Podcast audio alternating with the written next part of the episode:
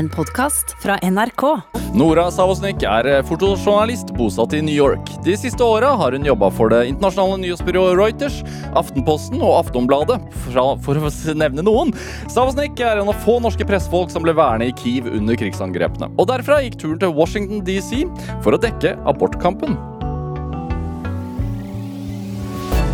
Dette er Drivkraft med Vegard Larsen i NRK P2. Nora Savosnik, velkommen hit til Drivkraft. Tusen, tusen takk. Det er gøy å være her. Hvordan har du det? Jeg har det bra. Hvordan er det å være i Norge? Ja, ja, ja. Utrolig deilig å være i Norge. Det er her jeg er født og oppvokst og har familien. Ja. Så det er et kjærlig sted. Landa på fredag. Stemmer. Jeg har holdt på å tenke sånn, når var det jeg landa? Det var litt kaos med fly og greier. Ja. Men det var vel fredag, ja. Er- Stemmer. Hvordan er det bare da skulle prate norsk?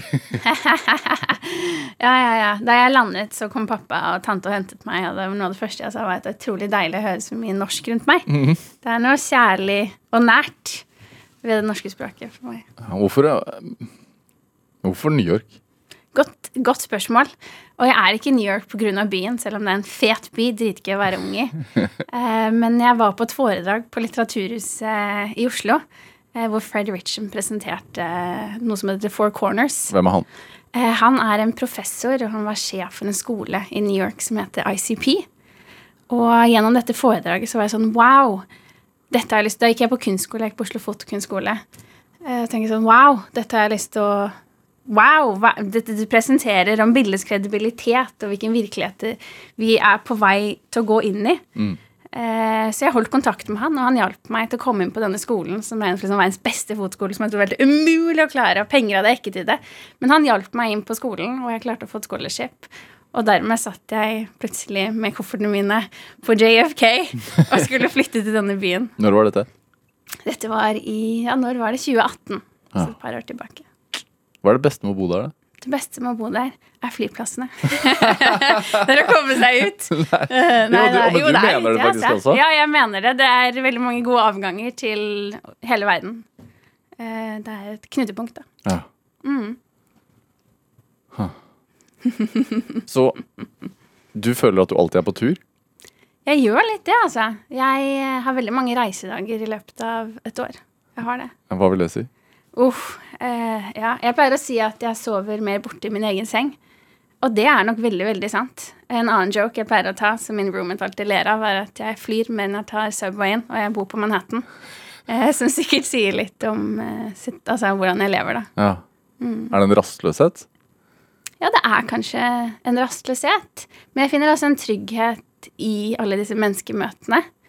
Eh, men ja, det bunner vel ut i en viss form for rastløshet. Men sånn som nå når du har vært hjemme i Norge siden fredag, veit at du landet i Oslo på fredag, reiste rett til Trondheim. Mm. Har rastløsheten begynt å melde seg? Nå reiser jeg til Paris på torsdag. For, for ferie eller jobb? For ferie. Um, ja, altså hva er egentlig rastløshet? Det er ikke sånn at jeg føler meg sånn angst at jeg må ut, jeg må ut, jeg må ut. Det er mer det at jeg vil møte mennesker og få lov til å være en del av deres liv. Eh, alle de dørene som åpnes ved å gå inn på dette flyet, da. Det er jo ikke flyet i seg selv, det er mer destinasjonen. Som jeg syns er gøy og drivende. Altså, jeg elsker det over alt på jord. Ingen flyskam. Eh, det burde jeg jo ha. det burde jeg absolutt ha. Eh, men har jeg det? Altså, jeg har lyst til å si ja, det er det som er det riktige svaret.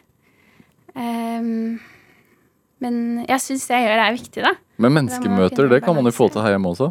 Absolutt. Absolutt. Og det gjør jeg også. Jeg jobber også. Nå skal jeg være og jobbe i VG i sommer og møte folk her. Um, men det er noe som vi snakket om tidligere, at jeg var litt sånn redd for dette intervjuet.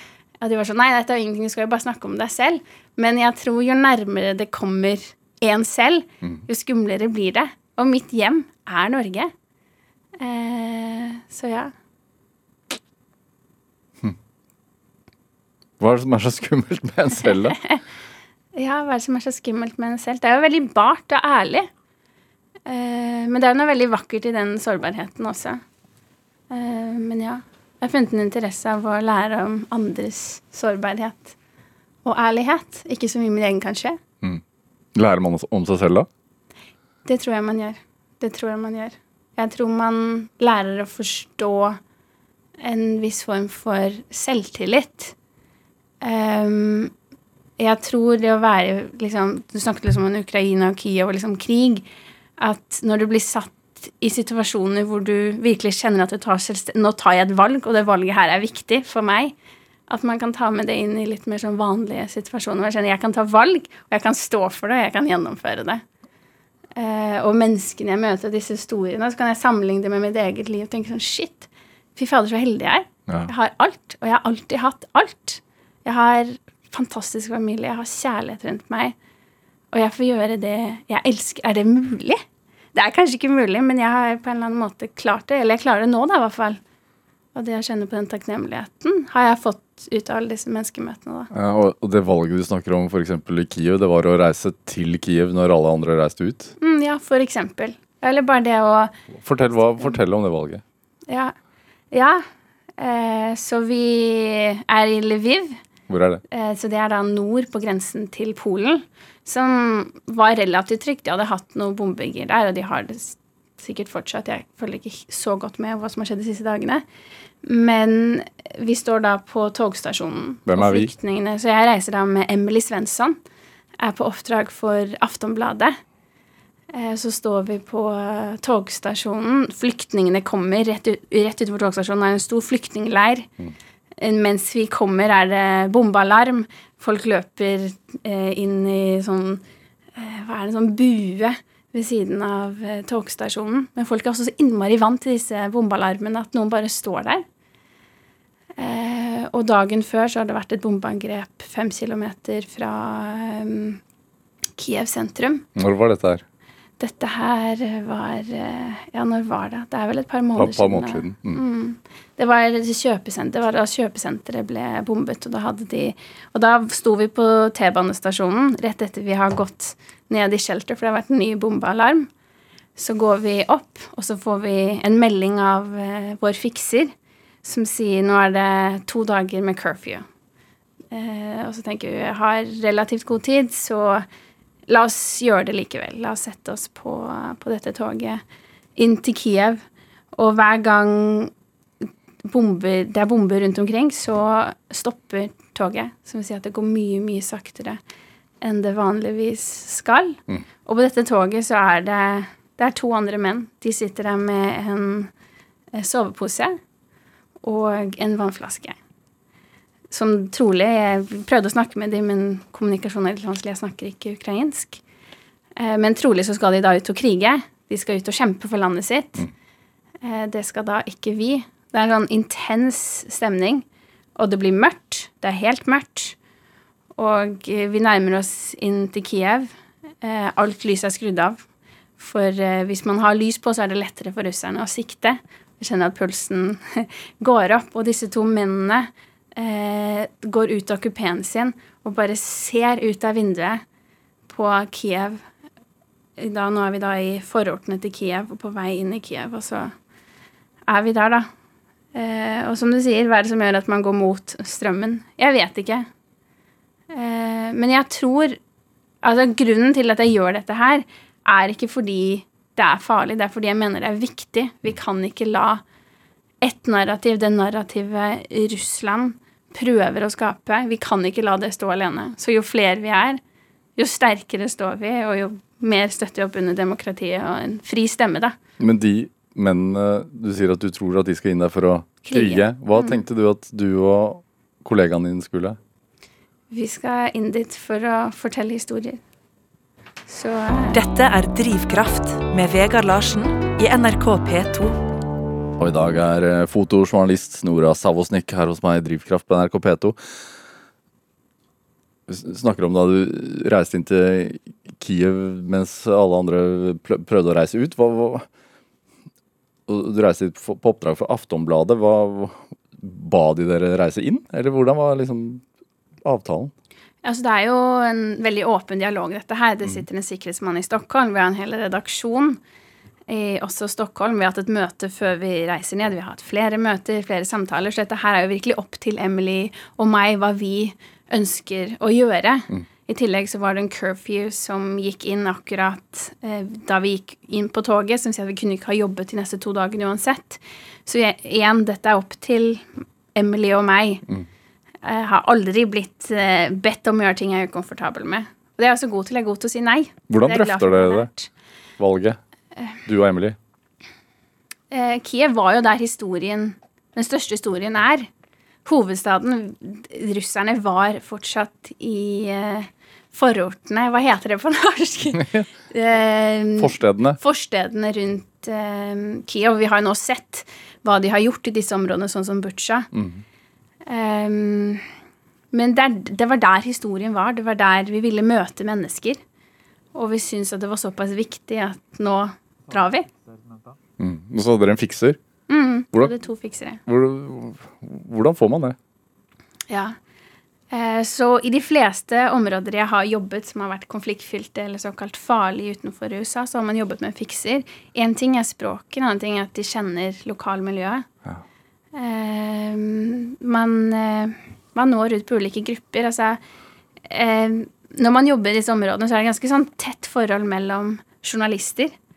Vi bodde på et hotell eh, i Kiev med noen ukrainere og hovedsakelig journalister. Man blir veldig tett, og da forteller man 'denne jobber jeg med', 'denne jobber jeg med'. Det fins en Facebook-gruppe eh, hvor man kan spørre andre, og så ser man hvem andre de har jobbet med tidligere, og så finner man hverandre. Hvilke tanker gjør du deg? Altså, det er jo alltid Altså, det er en risiko, selvfølgelig, å reise inn i en by som er eh, Det er angrep i, i, i forstedene. Byen blir også angrepet. Du er ganske ung, da. Eh, ikke for å holde det mot deg, men hvilke tanker gjør du deg? Um, Det er mye liv igjen å leve. Altså sånn. Ja. ja. Men som sagt, jeg går ikke inn dit fordi det er farlig, eller fordi jeg vil risikere livet mitt. Jeg går inn dit fordi jeg syns det er viktig. Ja, det er ikke noe spenning. Eh, jo, det er jo, det er jo spenning i å være i en sånn situasjon. Den er veldig intens. Så jeg skal ikke skjule at det er helt flatt. Men det er virkelig ikke derfor jeg går inn. Jeg vokste opp med en familiehistorie hvor jeg ble fortalt at nesten alle bildene fra Auschwitz ble tatt av nazistene selv. Det skremte meg noe helt enormt mye. Eh, så jeg er jo vokst opp med at det er viktig å skape ulike visuelle narrativ, og hvis jeg kan være med på det, så er svaret ja. Mm. Hvorfor var det en del av barneoppdragelsen, holdt jeg på å si? Ja, eh, hvorfor var det en del av barneoppdragelsen? Så det var ikke noe liksom mamma fortalte meg sånn helt uten videre. Men da jeg var eh, Jeg husker ikke hvor gammel jeg var, men jeg var på barn, barneskolealder. Så hadde vi masse bøker om eh, konsentrasjonsleirene hjemme. Og det var ikke noe vi bladde i som en familie. Men eh, jeg fant det på egen hånd. Og jeg husker veldig godt ett bilde hvor det er em, det er en dame i sånt glassbur av vann eh, som eh, har noe foran munnen sin så hun ikke klarer å puste. Og så sitter en lege og tar notater og smiler inn i kamera. For han mener jo at det han gjør, er riktig. Det samme gjør han mannen som tar bildet. Det er en, trolig en konsensus mellom, mellom de to. Og det bildet skremte meg så enormt mye, for han smilte til meg. Og hun damen minnet meg om mamma.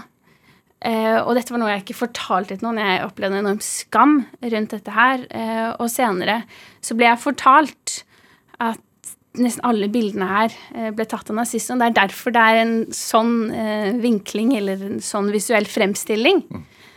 Eh, Hvorfor følte du skam? ja, si det. Ehm, det er en veldig sånn kompleks og vanskelig historie. Eh, ja, jeg har gått til psykolog for å prøve å finne ut av dette her, og jeg eh, klarer ikke helt å sette ord på det, men hele den historien som barn opplevde jeg mye skam rundt. Eh, ja, jeg husker ikke hun har mareritt på natten men jeg vil fort, om dette her, da. Men jeg ville fortelle mamma og pappa at jeg hadde mareritt om noe helt annet. Og det var aldri sånn at det ikke var et åpent rom eh, for å snakke om det. Men jeg vet ikke, jeg ville bare ikke Jeg vet ikke, jeg tror jeg bare var oppriktig redd, da. Og istedenfor å møte det, så løper jeg fra det. Men Både oldefaren din og morfaren din ble sendt til Auschwitz. Eh, Eh, så morfar, Robert Savosnik, ble sendt med Donau til Auschwitz. Og hans far igjen eh, ble sendt tidligere pga. morfars sin bror var motstandsmann. Så da tok de han som gissel først. Hvor tidlig hørte du den historien? Ja, det var det, da. Um, så jeg har hele tiden visst det. Eh, også visst at min norske familiehistorie har vært brutal, fullt, fylt av tortur og folkemord. Som er veldig annerledes fra mine andre klassekamerater i Oslo på Tåsen. Mm. Um, men det var liksom aldri én gang. Men som sagt, jeg drev og rotet disse bøkene på egen hånd. Eh, så det var ikke noe noen fortalte meg. Det var noe jeg så selv, i svart-hvitt. Mm. Var det Når begynte dere å prate om det, da?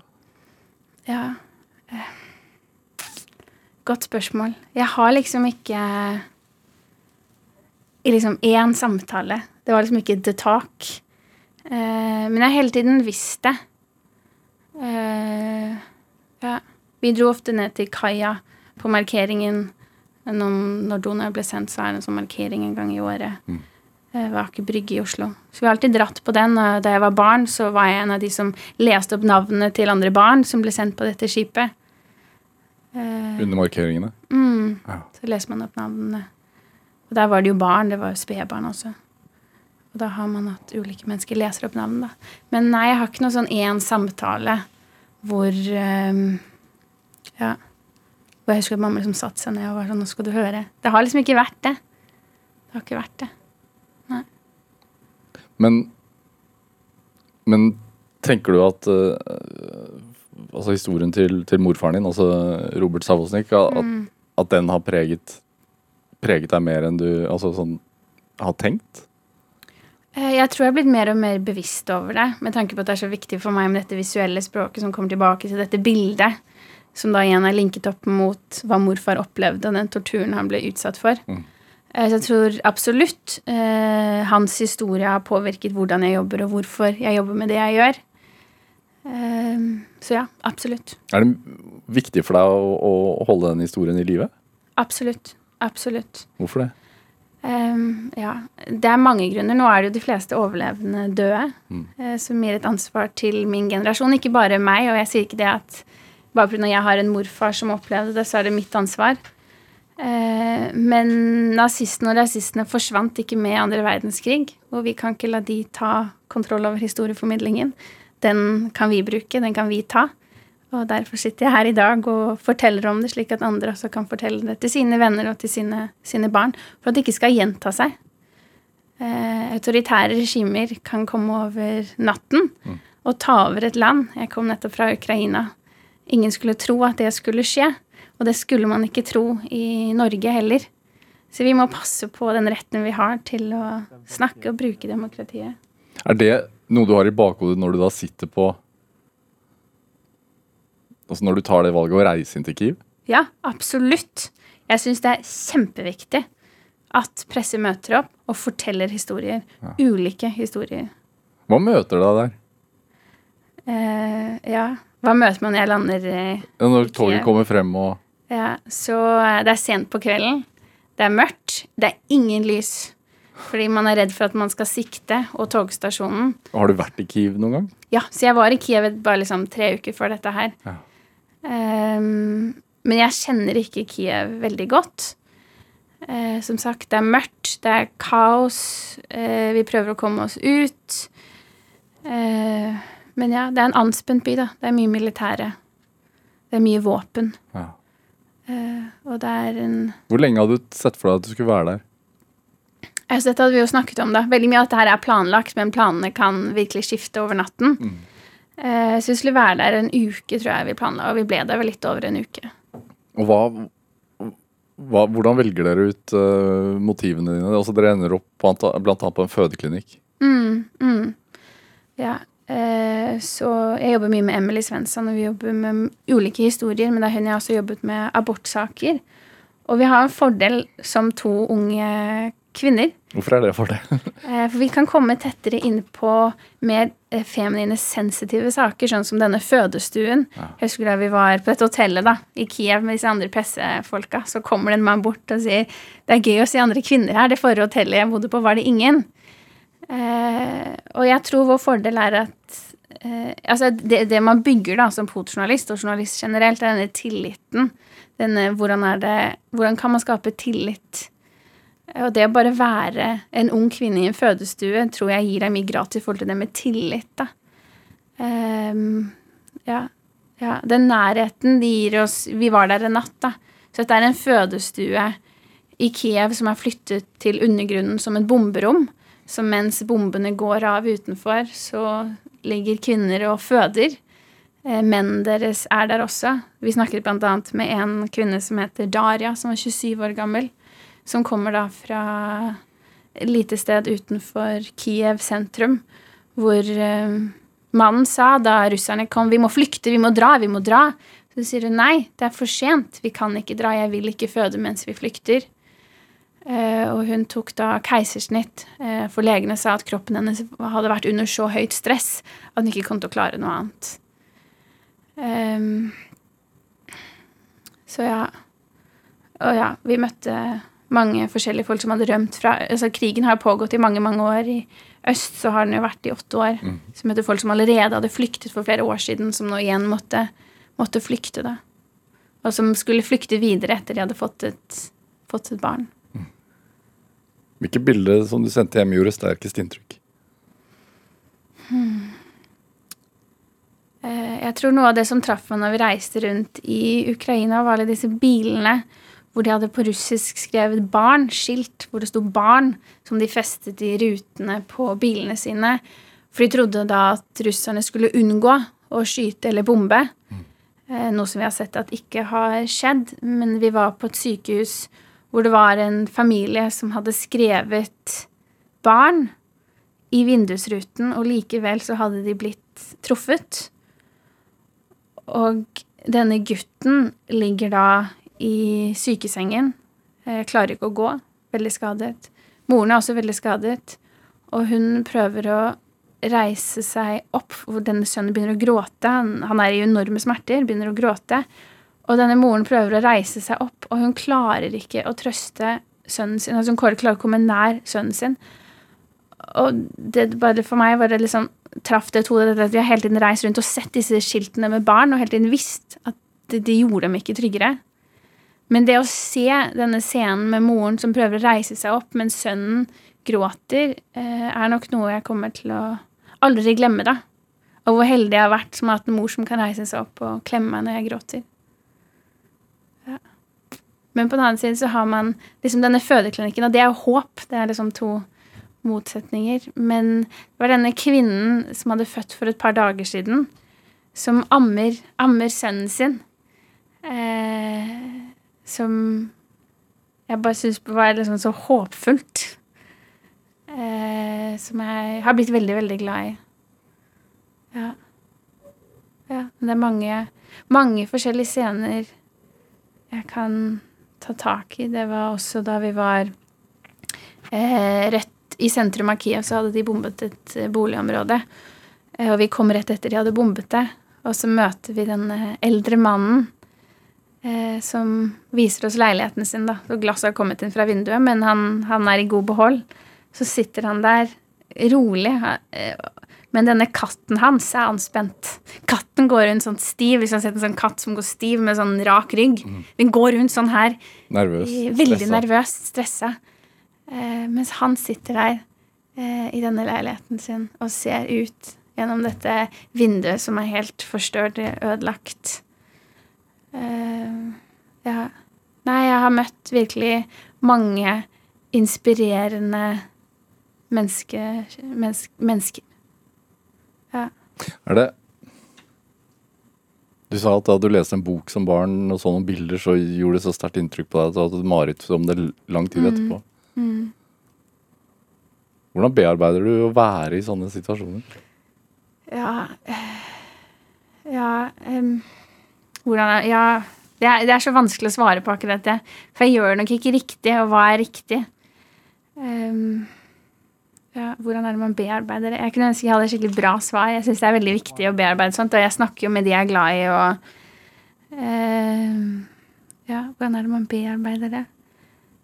ja, Det er jo så virkelig, så selv om jeg drar derfra, så er, lever disse menneskene etter livet fortsatt. Men den nøkkelen jeg har, er at jeg drar jo derfra. Mm. Jeg, dette er ikke min hverdag. Dette er noen andre sin hverdag. Eh, og bare kjenne på det. Eh, Hvordan er det da å reise hjem da til Nå gjorde du jo noe rett etterpå i USA og sånne ting, men nå, nå, er, nå er det liksom sommerferie, og du skal til Paris og ja, ja, ja. Nei, det, det var nok Ja, det var vanskelig. Skal jeg være helt ærlig, det var vanskelig å reise derfra. Jeg, da, og da kjenner man også virkelig på hvilket det privilegiet jeg har at jeg kan reise derfra.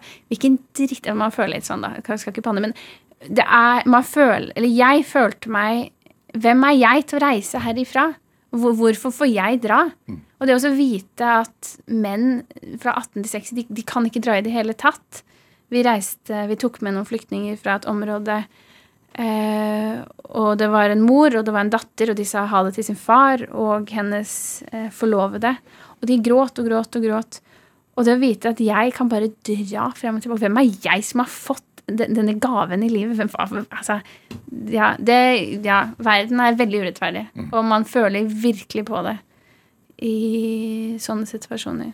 Hva tenker du om også hvis man ser på nyhetsdekningen, som for to, år siden, nei, for to måneder siden så handlet den utelukkende om Ukraina og Kiev og, og, og situasjonen til lokalbefolkningen. Mens nå så handler det plutselig om renteoppgang. Hva tenker du om det? Ja, det er jo sånn nyhetsbildet er. Jeg har null kontroll over det. Nå skal jeg reise tilbake til Ukraina igjen snart, da. Um, Hvor? Uh, vi vet ikke helt ennå. Hvorfor? Jeg skal reise med Per Christian Selmer. Uh, så det jeg, det, jeg var en tur før denne turen her også, hvor vi jobbet med litt lengre prosjekt. Blant annet var det i Dagens Næringsliv. Vi jobber også med, vi fikk støtte av Fritt Ord. Vi skal tilbake og følge opp litt, et litt lengre personlig prosjekt vi jobber med. Um, det er jo sånn nyhetsbildet er. Altså Man kan bli rasende. Men så vet man også at det er mange glemte konflikter der ute. Eh, Det gjelder ikke bare Ukraina, men det fins mye. Men ikke sant, da har vi igjen et ansvar som journalister. Vi kan, er det en bra nok sak, så blir den forhåpentligvis plukket opp. Og den makten har vi. Men da må man først og fremst reise dit. Da må man reise dit, og så må man gjøre noe med det. Nora Savosnik, vi skal spille litt musikk. Du har med en eh, Nina Simone-låt. Yes. Hvorfor det? Ja. Eh, så det jeg syns er deilig med liksom lydbølger og lysbølger og alt dette her, er at det er ikke så konkret. Det er litt vanskeligere å forklare en, en ord eller liksom tekst. Eh, så jeg satt lenge og tenkte på det, hva slags sang det det skal være. Så jeg ringte min gode venninne Rikke. Hun bare sånn, Med en gang sa han den sangen her. Jeg elsket den. Da jeg liksom ble voksen, eller voksen og voksen, men når man ble, begynte å flytte for seg selv, så var dette her min sang. Jeg vet ikke hvorfor, men jeg, jeg føler den, da. Hva føler du da? Eh, jeg føler en stolthet.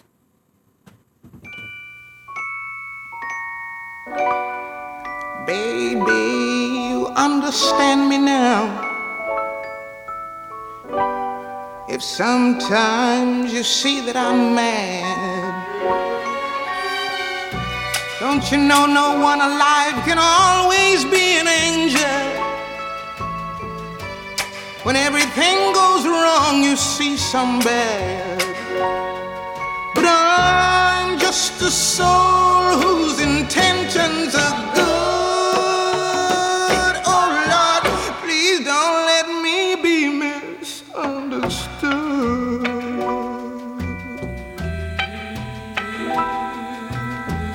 You know, sometimes, baby, I'm so carefree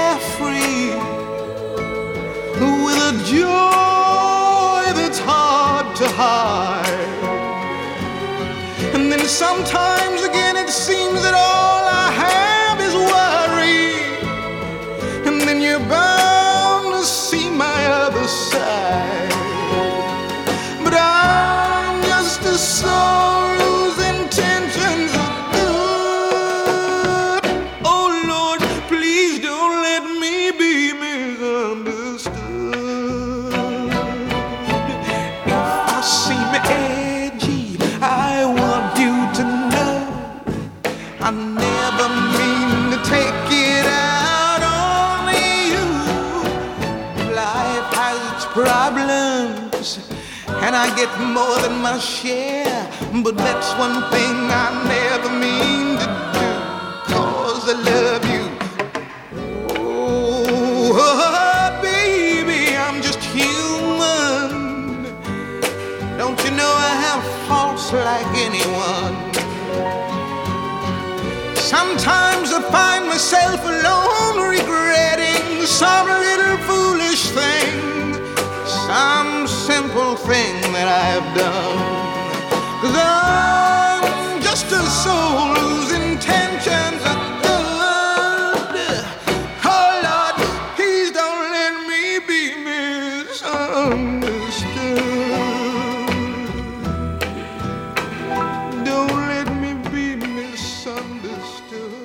Ja, Du fikk Nina Simone med 'Don't Let Me Be Misunderstood' her i Drivkraft på NRK P2. Valgt av dagens gjest her i Drivkraft, nemlig fotojournalist Nora Savosnik. Du sier før vi spiller her at du føler litt sånn stolthet. Hvorfor, hvorfor gjør du det når du hører den? Ja, Godt spørsmål. Hun er en rå dame med en rå stemme og en fantastisk tekst. Men den traff meg virkelig, altså. Jeg hadde du møtt meg for liksom fire-fem år siden, så hadde dette gått på repeat i leiligheten. Ja. Eh, Men noen ganger så er, blir du bare truffet, da. Jeg tror det er det samme med kunst og bilder og mye rart. Noen ganger så bare treffer det deg, og så klarer du ikke helt å forklare hvorfor. Og det er vel kanskje derfor det også treffer deg, når du ikke klarer å finne ord. Men, men stolt? Ja. Ja. Ja. Ja, hvorfor stolt? Jeg vet ikke. Jeg vet ikke. Det er også lov. Det er også lov å svare. Ja, ja, ja. Men du sier at noen ganger så treffer kunst deg, eller Man vet ikke helt hvorfor. Mm. Hva var det som gjorde at fotografi traff deg så hardt? Ja, så jeg hadde ikke planer om å bli fotograf i mine yngre dager. Hva var planen? Planen var å bli, jeg var innom mye rart da, jeg har vært mange forskjellige personligheter. Men lenge så ville jeg bli, og jeg hadde en stor drøm, og det var å bli høyesterettsdommer i FN. Og kjempe for fred. Eh, og folk var sånn, det er litt vanskelig nå. Ingen liten drøm. Ingen liten drøm. Nei, jeg, har alltid vært, jeg har alltid drømt stort. Og det gjorde jeg også da jeg ville bli fotograf. Jeg ville, jeg ville klare det. Um, men det som skjedde, var at jeg jobbet frivillig i Ghana. Og så uh, hadde jeg kjøpt et speilreflekskamera. Hvor gammel var du da? Da hadde jeg akkurat fylt 18 år. Så hadde jeg spart opp, jeg hadde jobbet uh, Hva med videregående? Jo, det, dette var sommeren, da. Men jeg var veldig Jeg var skikkelig skoleleie uh, på videregående. Eh, ja. Så jeg ville bort. Så jeg jobbet eh, i oppvasken til Lovisenberg sykehus. Og så jobbet jeg som pleieassistent på Tåsen gamlehjem for å spare opp penger til en tur. Mamma og pappa ville ikke det skulle dra. Eh, men har du økonomisk frihet, så kan du gjøre mye. Er du over 18 år og har økonomisk frihet? Ja, det var jo det jeg tenkte da. Så jeg var sånn Yes, nå gjør vi det. Eh, men jeg tenkte det var kanskje ikke så lurt å dra alene, så jeg dro på en fest og var sånn Hvem vil være med meg ut og reise? Jeg vil langt bort, men jeg vet ikke hvor. Men hvem vil være med? Eh, så da var det en på fest som rakk opp hånden som jeg, jeg kan være med. jeg kan være med Så var jeg sånn Shit, da drar vi. Hva var det som dro deg dit? Altså, Hva var grunnen? Sånn, du var skolelei og Ja, eh, Jeg var lei, og så ville jeg bare bort. Det var den følelsen at jeg, Det var kanskje den rastløsheten vi kommer tilbake til, da, som vi snakket om tidligere. Så jeg er kanskje litt rastløs. Eh, men jeg hadde bare den følelsen at jeg ville bort. Jeg var så lei av å sitte på denne pulten hele tiden, dag inn, dag ut. Eh, så jeg ville få helt andre inntrykk enn det jeg var vant til, da. Eh, og at det endte på Ghana, var at det var en god mulighet for å jobbe frivillig som lærer i kreative fag, altså tegning, synging, Ja. litt sånn forskjellige ting. Og engelsk, da, selvfølgelig. Eh, men hun dro hjem, hun jeg reiste ned med. Så jeg ble igjen alene, og så hadde jeg kjøpt dette speilreflekskameraet.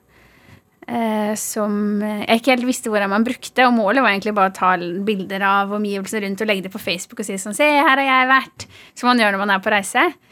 Eh, men i og med at hun dro, så følte jeg plutselig at jeg var alene.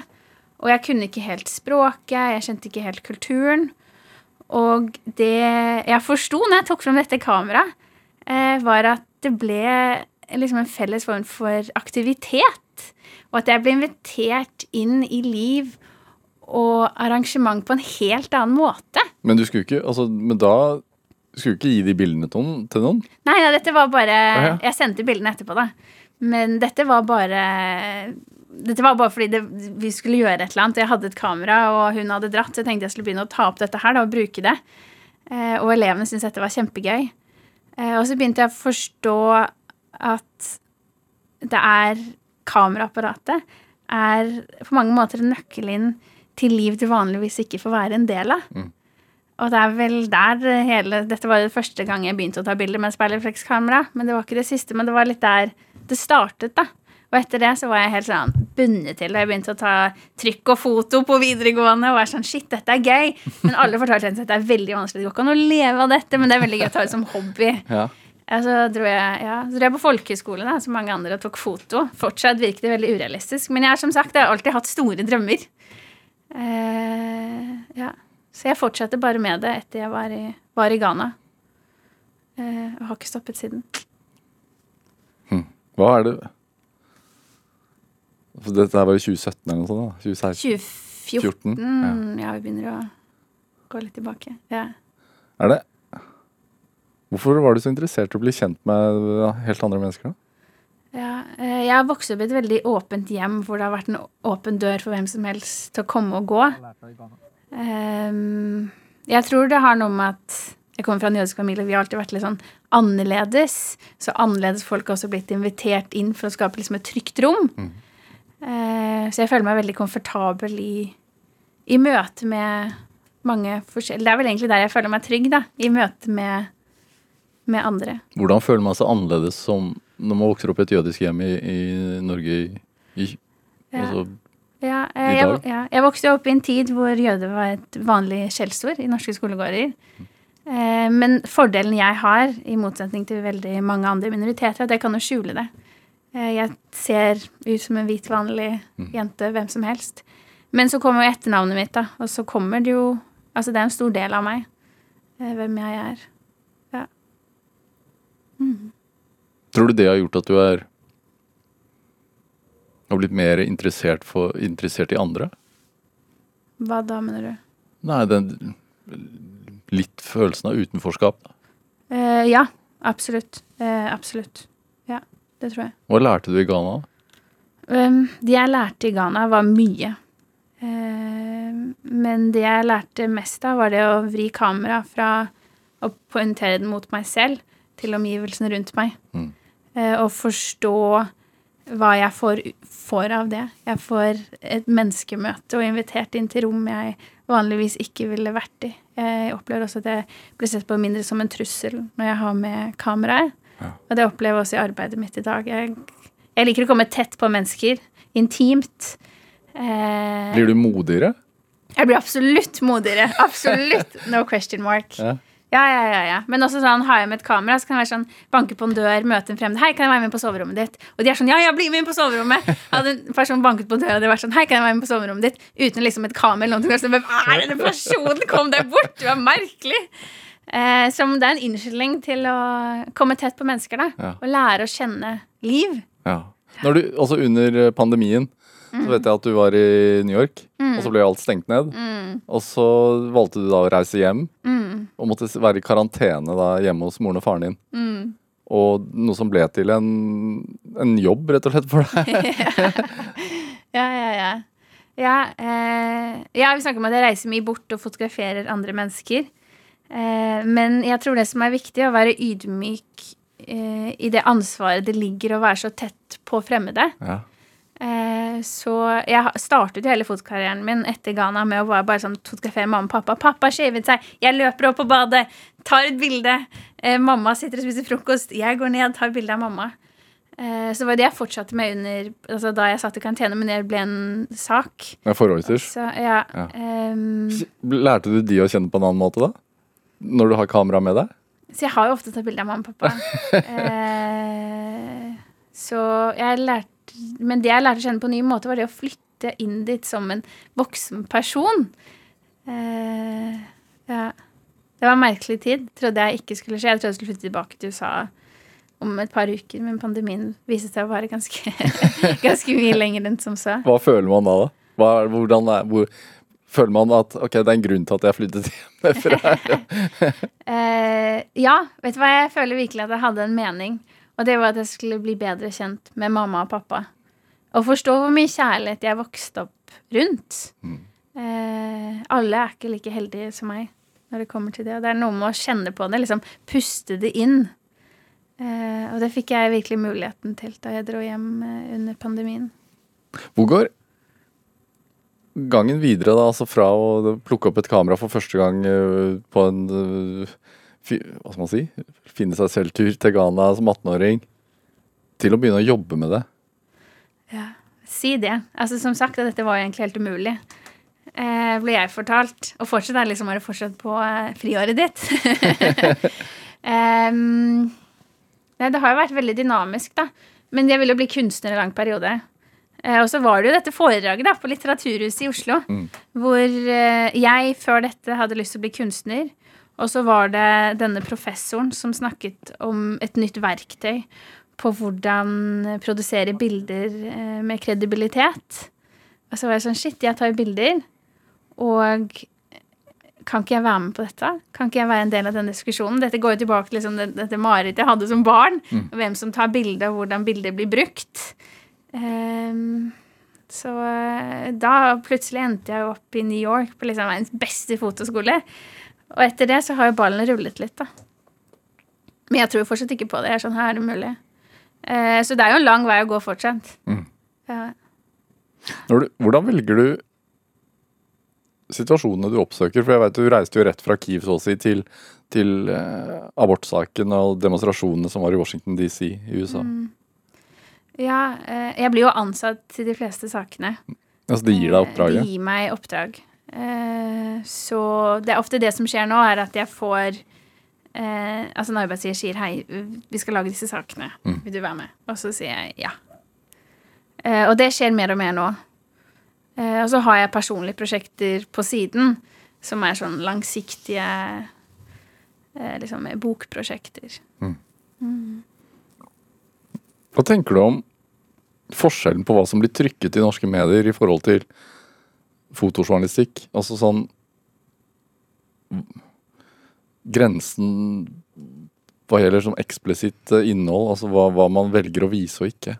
Ja, jeg tror ikke det er unikt for Norge, men jeg tror det er liksom en sånn, en sånn vestlig greie. Ser man også med 9-11 i USA, så var det jo ingen lik som ble fotografert. Det var ett av en kropp som faller ned fra The Twin Towers. Men, blitt også det som- mest ikoniske bildet. ja, ikke sant? men du kan ikke identifisere personen. Mm. Ser man på hvordan vi har portrettert og valgt å illustrere Ukraina, Mm. så kan man jo trekke linjene tilbake til sky skoleskytingen i Uvalde. Der var det heller ikke noe døde barn. Ja, i Texas. Ikke noe døde barn. Det er jo enormt grafisk, det, altså det våpenet som ble brukt. Altså, du tilintetgjør en kropp til de grader. Og det, de bildene har jeg overhodet ikke kommet ut heller. Mens måten vi fotograferer det langt borte, eh, selv Ukraina, eh, er mye mer grafisk og brutalt med ja, Samme gjelder Syria, Afghanistan, Irak. Tilbake til vår, vårt land, altså. 22. juli. Ikke sant? Ehm, så jeg tror det er mer en vestlig måte å produsere nyheter på, da. Mm. Så det blir, jo, jo lengre unna det er oss og vår virkelighet, jo lettere det er, er det å få nå står ikke jeg i noe sånn jeg, jeg er ikke noen redaktør og bestemmer hva som publiseres ikke, og jeg mener at vi trenger disse grafiske bildene. Vi trenger å klare å visualisere brutaliteten for å forstå hvorfor det er feil, tror jeg i mange tilfeller. Og kanskje hvis det er såpass nærme, er det lettere å identifisere seg med, så trenger man ikke å ha det like grafisk. Jeg vet ikke. Men eh, det er jo spørsmålstegn bak hvordan vi kan publisere såpass grafiske bilder fra langt der borte, men ikke her nært og skjært. ofte afrikanske land. Ja, absolutt. Og hvorfor, hvorfor, hvorfor gjør vi det? Hva tror du? da? Eh, jeg mener jo at vi d- eh, The Napalm, The Napalm Girl Det var 50 år siden det ble publisert. Dette er en kvinne i Vietnam som har napalm på kroppen og løper. Hun skrev et leserinnlegg i New York Times på 50-årsmarkeringen hvor hun argumenterer for at hun syns også disse bildene Hun er stolt over dette bildet. Hun er glad for hva det representerer, og hva det har gjort med verden. Eh, men hun syns også at bilder fra typ Texas og Valde også skulle vis, bli vist. Eh, og hennes argument ligger i det at klarer du å visualisere noe, så klarer du å forstå det på en annen måte. Ehm, ja Men det er, det er vanskelig. Man må jo snakke med pårørende og alt dette her. Det ja. ja. Hadde øh, fotograf Jonas Bendiksen her eh, sist uke. Ja, ja, ja. Eh, og vi snakket litt om bildets hva skal man si, kraft i dag kontra tidligere. Mm. Du, du nevner jo dette ikoniske bildet av, av, fra Vietnam og også 22, altså 11. september. Mm. Hvilken makt føler du, eller kraft føler du bildene har i dag? Eh, ja, så jeg har liksom annet argument enn han. da. Jeg syns at bildet fortsatt har en veldig stor kraft. Altså Ser vi bare fra eh, flyktningkrisen i 2015, denne, dette barnet som ligger eh, i kaia. Mm. Ehm, ja, i Ukraina, denne gravide kvinnen som blir båret ut uh, fra en fødestue. Jeg syns absolutt bildet fortsatt har kraft. Uh, ja. Er det noe av også grunnen til at du velger å holde på med det? Ja, Hadde jeg ikke trodd på det, hvorfor skulle jeg gjøre det? Jeg tror det motsatte av frykt er å tro. Og jeg tror grunnen til at jeg ikke er redd i disse situasjonene, er fordi jeg tror at jeg gjør, har en betydning. Og derfor er jeg der. Så jeg tror fortsatt på kraften til det visuelle språket. Vi står overfor andre utfordringer. Bildet er, er ikke det samme, eh, selv om vi ser på det på samme måte. Vi altså, har gått fra analog til digitalt til én forside vi alle så må være uenige på til online, hvor det er enormt mange forskjellige plattformer, og det er algoritmer, og det er mye spredning av feilinformasjon, bevisst spredning av feilinformasjon, som treffer folk. Altså Badrat Husa, det er så enormt polarisert. Virkelighetene er forskjellige. Hvordan opplever du det? I USA eller for meg personlig. Nei, for, for deg i USA, altså i forhold til polariseringen? Uh, ja, nei, uh, nå har jeg vært der i, av og på i nesten fire år.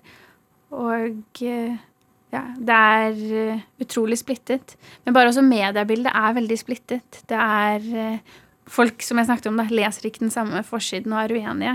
Folk leser den artikkelen de er enige med, på en plattform de har funnet. Eh, og lokalavisene er nesten borte. Altså Lokalavisene var ofte det som kunne binde liksom, høyre og venstre sammen. For der var begges tantebarn i avisen, så da måtte de jo lese. Og det har man nesten ikke igjen. Eh, Så det er et dypt polarisert land hvor mennesker i større og større grad lever i ulike virkelighetsoppfatninger på hva som har skjedd. Det ser man jo med 6. januar-dekkingen. Det er to veldig forskjellige narrativ. Mm. Er nesten- Hvordan får man sannheten da? da? Ja, så er sannhet, altså hva er sannhet? Altså Det finnes generell fakta, og ofte det, som- dette som blir misbrukt i spredning av feil informasjon, det er hvor bildet er tatt, og når det ble tatt. Dette har man utallige tilfeller av selv i Ukraina, at man bruker bilder og visuelle ting og sier at 'nå skjer det, her er det', og så er det egentlig et bilde fra Irak. Eh, eller at man eh, Masse på sosiale medier. Masse på sosiale medier, den spredningen her. Og det går over alle konflikter. Eller at eh, noen var på en scene, f.eks. for eksempel med Frankrike, da med Yellow West, så er forsiden brennende bildekk, og så kommer en nisjeside og sier 'dette stemmer ikke, jeg har et annet bilde', det var rolige demonstrasjoner. Og så er jo begge sant. Eh, så noen ting er fakta, en annen ting er din oppfatning. Oppfatning av hva som skjer. Eller da Trump ble valgt som president og sto, på, sto i Washington DC og sa at det aldri hadde vært flere folk der. Ja, ikke sant? Og da, da er det jo faktafeil. Altså, ja. Eh, det er jo helt feil. Men dette er en virkelighet eh, som folk eh, blir gitt og servert igjen og igjen og igjen og igjen. Eh, ja. Som er kjempe, kjempefarlig. Vi må være veldig obs på hvordan det visuelle språket blir brukt til å føre propaganda. Altså visuelle altså poster på sosiale medier som bruker video eller tekst, spres mye raskere og mye bredere enn bare tekst. Som vil si at det ligger enormt mye makt i det visuelle språket som blir misbrukt. Og vi har ikke noe ordentlig verktøy. som hadde jo liksom caption før, da. Men det er jo ment for eh, avisene. Det funker ikke på nettet. Metadataen blir ikke liggende. Så det er veldig vanskelig som meg som forbruker og leser å være sånn Dette bildet her er egentlig fra Irak. Eller vi gjorde en sak om QAnon. Begynner å vise meg bilder og bevis på ting, og så sier jeg du, dette her tror jeg er en kirke i Tyskland. Nei, det er det ikke. Men så hadde jeg sett det. Så var jeg sånn, du vet hva, jeg kan faktisk vise deg at dette er en gammel kirke i Tyskland. Å ja, ok, men da er det andre riktig, da. Og så blir det sånn Wow, vi må finne en eller annen måte å feste liksom basic metadata på det visuelle språket for å opprettholde liksom Sannhet er et big, stort ord. Altså metadata metadata når bildet er tatt, hvor det er tatt. Det er tatt, Ja. og hvem som har hvem tatt som har tatt det. bildet. Ja. Eh, Hvordan er det vi kan opprettholde den basic informasjonen i bilder? Caption funker ikke lenger. Vi trenger noe nytt, da. Ja. Er det underveis? Jeg håper jo det. det Adobe har et prosjekt som heter Kai, Ja. som kanskje er fremtiden. Jeg håper jo det. Er det Når du jobber Hvordan er du da? Hvordan, lag, hvordan går du frem for å ta gode bilder? Er du Ja. Eh, Det som jeg er opptatt av, som jeg nevnte litt tidligere, dette med tillit. da. Få folk til å føle seg bekvem. Og, og kjenne at det er et trygt rom, da. Jeg går jo ofte inn i deres sfære. Dette er folk som ikke er vant til å være foran noe kamera.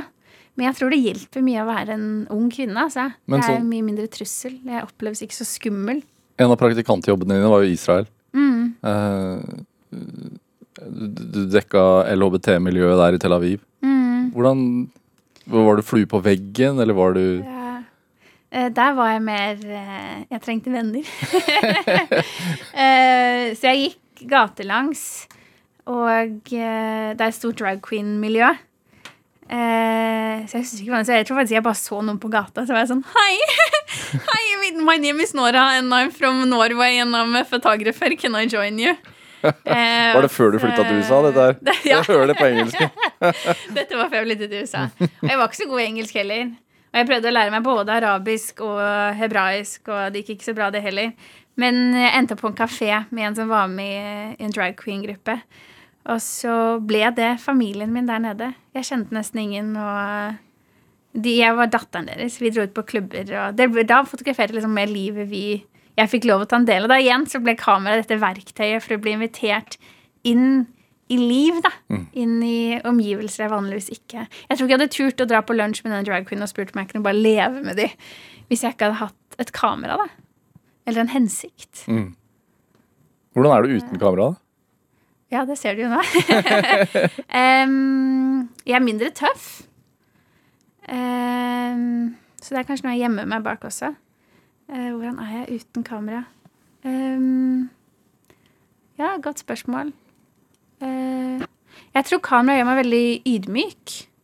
For jeg forstår liksom denne makten og det ansvaret man har ved at jeg får lov til å skape et narrativ om noen andre sitt liv. Mm.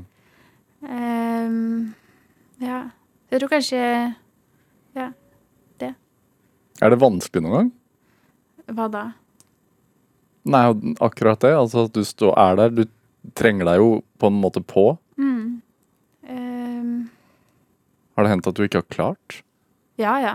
Altså 90% i livet mitt føler jeg at det er sånn Ja, ja, men det gikk jo sånn halvveis. Um, uh, men jeg har vel aldri vært med på at noen har sagt sånn Gå herfra, jeg vil ikke ha det her. Jeg får ofte det motsatte. At folk er sånn Vær så snill, jeg vil fortelle den historien. Vær her. Få et publikum. Spesielt i Ukraina. Det, folk var veldig opptatt av at de ville ha oss der. Det er også min erfaring generelt eh, når jeg lager er med på å lage historier, det er at folk vil, vil fortelle. Jeg tror alle har et behov av å bli hørt. Og jeg og mange andre er med på å gi den mikrofonen, da. Hvor- Hvor skal, du sa du skulle tilbake til Ukraina da, ja. etter sommeren. Ja. Hvor skal du da? Eh, vi har ikke helt eh, bestemt hvor og når ennå. Skal møte Per Christian nå. Snart. Um, Hvem er han? Uh. Eh, Så vi uh, møttes uh, på en tyrkisk restaurant på Tøyen i desember. og bestemte oss da for å, for å dra. Han har bodd i Ukraina. Han har reist frem og tilbake og dekket krigen siden den startet i 2014. Foreldrene dine var engstelige for å sende deg til Ghana som 18-åring. Hva tenker du om at de skal tilbake til Ukraina nå? Ja, eh, nei, mamma er bekymra. Og det er vel noe av det verste med, den, med det jeg gjør. Er å se hvor mye det påvirker nære og kjære. Mamma slet med å sove. Søsteren min skulle da ha eksamen, medisineksamen, kjempestort. Og sa at hun slet med å lese mens jeg var borte. Um, det Nei, jeg tror Jeg vet ikke om det noen gang blir lettere. Jeg vet ikke. Jeg håper det. Uh, Men det Tenker du da at det er en egoistisk handling, eller tenker du at Absolutt. Det har absolutt en egoistisk komponent. Eh, og eh, mamma sa jo rett ut at de, trenger ikke du trenger ikke å være nede. Ukrainerne selv skaper utrolig fine narrativ og historier. Hva fader skal min datter gjøre der nede? Og det er sant. Ukrain mange ukrainere lager utrolig sterke og bra saker, både for sosiale medier og for nyheter. Eh, Det var først da jeg var med eh, saken, denne fødeklinikken ble vist under Sveriges S- Skrangler eller noe sånt, sånn fundraising.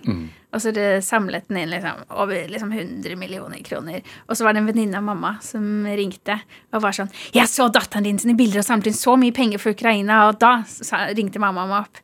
Og så sa han 'Er det sant at det var dine bilder?' Så sa jeg ja. Så jeg, er du stolt nå? Så sa han ja. Nei. Jeg tror han har mer det komponentet at det skal ha en direkte liksom, hjelpningskraft. Da. Altså, sånn som aid, hjelpearbeidere har. Den samme effekten har kanskje ikke vi der og da. Nora Sausnik, hva tenker du er drivkraften? Drivkraften min er eh, å skape ulike visuelle narrativ. Aldri la én ta kontroll over det. Behold demokratiet. Og da må du bare reise, da? Ja, jeg og mange andre. Ikke alene. Jeg kan ikke stå i kontroll over det heller. Nora Sausnik, tusen takk for at du kom hit til Drivkraft. Takk. Hør flere samtaler i Drivkraft på nrk.no eller i appen NRK Radio. Send oss gjerne ris og ros og tips til mennesker som du mener har drivkraft. Send en e-posten til drivkraft.krøllalfa.nrk.no. Vi hører veldig gjerne fra deg. Produsent i dag var Kjartan Aarsand, og Olav Tessem Widesvang gjorde research til denne sendingen. Men dette, dette var Drivkraft. Jeg heter Vega Larsen, og vi høres. Du har hørt en podkast fra NRK. Hør flere podkaster og din NRK-kanal i appen NRK Radio. En podkast fra NRK. Vi skal jo snakke sommer. Hva er din perfekte feriedag, Johan? Jeg trenger ikke være så veldig mye ute i sola for at det ser ut som jeg har vært ute i sola. Podkasten Feriestemning, hvor to kjendiser deler sine sommerminner. Men nei, hvorfor har jeg aldri sett deg brun, da? Og så driver vi og snakker om gamle sommerforelskelser. Where did it come from? Where did it go? Where did it come from? Nye episoder med nye fjes hver dag i hele sommer. Og så må du ha en god sommer, da. Feriestemning hør du nå i appen NRK Radio.